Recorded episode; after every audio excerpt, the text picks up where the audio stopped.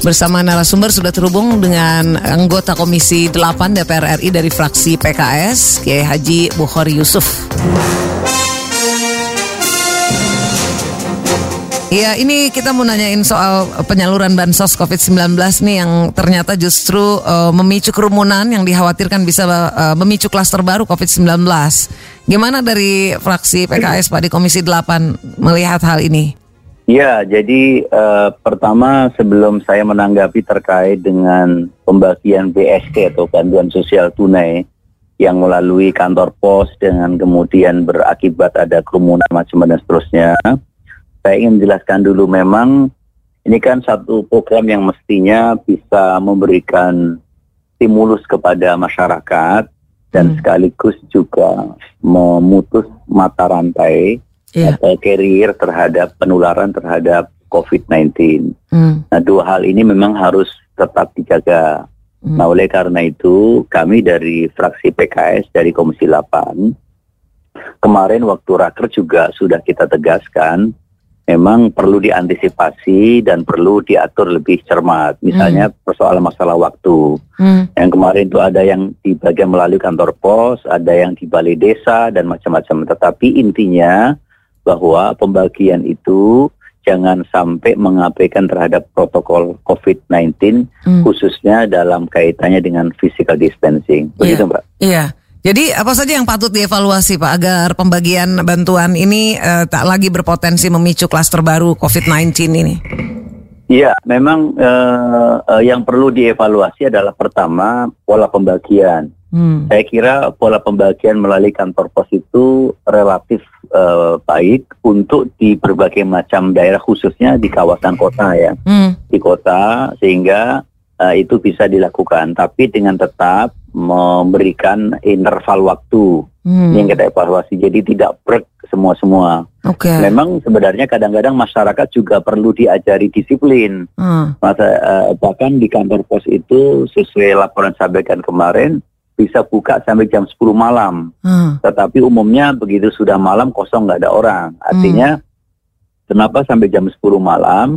itu supaya ada interval waktu tidak terjadi uh, kerumunan ya apa, pelanggaran hmm. terhadap uh, hmm. physical distancing. Hmm. Jadi per, per orang itu misalnya bisa diatur kan satu orang mengambilkan lebih sekitar lima menit yeah. atau kemudian uh, sampai tingginya tujuh menit. Hmm. Nah kalau misalnya tujuh menit itu pada hari itu Nah, apa namanya dihitung berapa jumlahnya. Nah, kadang-kadang memang masyarakat tuh suka kurang percaya atau kemudian apa ya takut nggak kebagian ya hadis itu mau ya diambil se, diambil hari itu juga jam itu juga hmm. dia khawatir kalau besok udah nggak ada uangnya itu kira-kira yeah. jadi saya perlu tegaskan kepada masyarakat bapak ibu sekalian yang sudah terdaftar dalam penerima PTS tidak usah khawatir uang pasti ada hmm. nah yang perlu dijaga adalah memang uh, kita juga harus jangan sampai hanya karena mendapatkan uang 300 ribu, 600 ribu, lalu kemudian kita justru menjadi carrier atau tertular hmm. terhadap penyakit yang jauh lebih besar resikonya. Itu juga harus penting ya disampaikan. Ya. Nih, mudah-mudahan masyarakat mendengarkan juga melalui radio Idola. Jadi uh, ke ya. depan uh, DPR dalam hal ini fraksi PKS Komisi 8 ini Pak itu uh, sudah mencatat apa belum Pak tentang hal-hal yang mesti diperbaiki oleh pemerintah terkait uh, pembagian atau penyaluran bansos ini Pak? Ada hal-hal lain ya, juga jadi, yang mesti uh, uh, kami sebenarnya di fraksi PKS itu memiliki uh, gugus tugas khusus yang hmm. terdiri dari 11 komisi. Oh. Saya termasuk salah satu uh, yang ikut di dalamnya. Okay. Kita punya satu rumusan besar. Memang evaluasi kita terhadap pemerintah dalam masalah pembagian baksos ini uh, mengalami fluktuasi. Bahkan kita juga sempat mensurvei, survei yang kemudian dilakukan oleh lembaga-lembaga independen itu sampai mencapai 50 hingga 60 persen itu mereka tidak puas dengan pola penanganan pemerintah terhadap masalah ini. Nah karena itu khusus dalam kaitan bansos ini juga mengharus kemudian kita kawal terus bagaimana supaya bantuan ini sampai kepada masyarakat, tetapi masyarakat juga harus dipahamkan, juga dimengertikan bahwa ini jangan sampai menantang terhadap uh, suatu hmm. pandemi yang cukup serius ini. Jadi ini harus okay. tetap di, diperhatikan. Nih, hmm. poin pertama yang perlu diperbaiki memang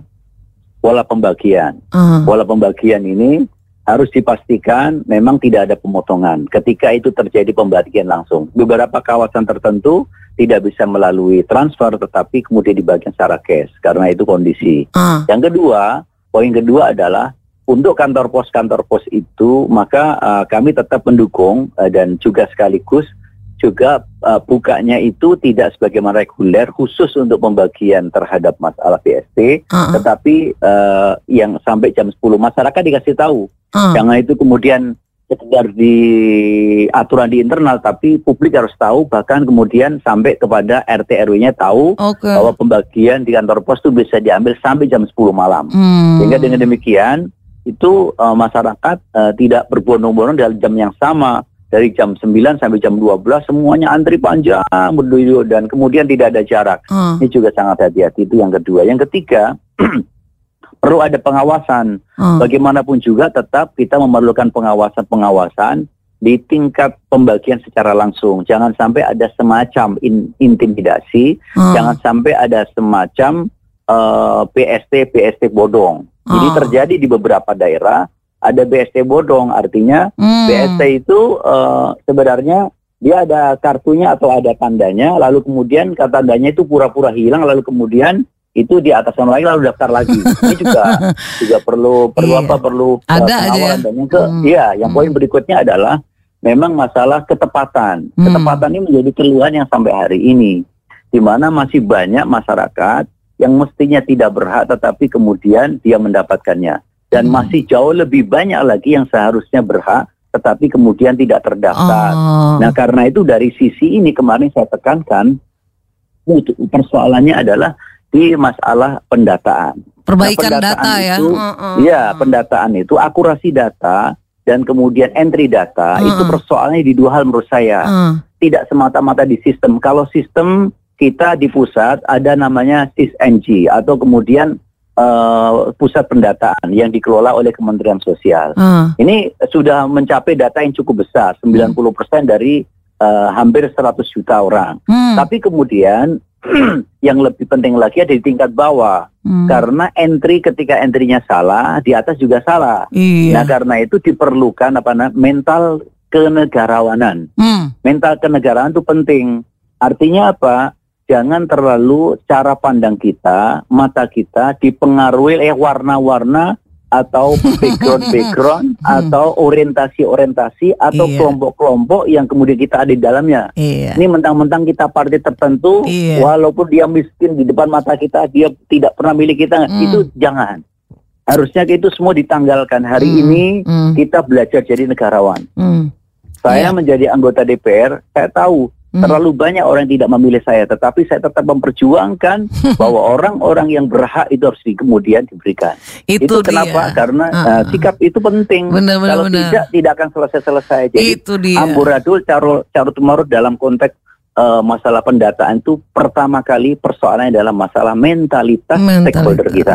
Persis. Nah, kalau stakeholder kita di tingkat bawah, uh -uh. di tingkat RT, di tingkat RW, di tingkat kelurahan, uh -uh. ini kemudian melankolis, ya sangat repot sekali gitu. benar, ya, benar banget Pak Bu Hori.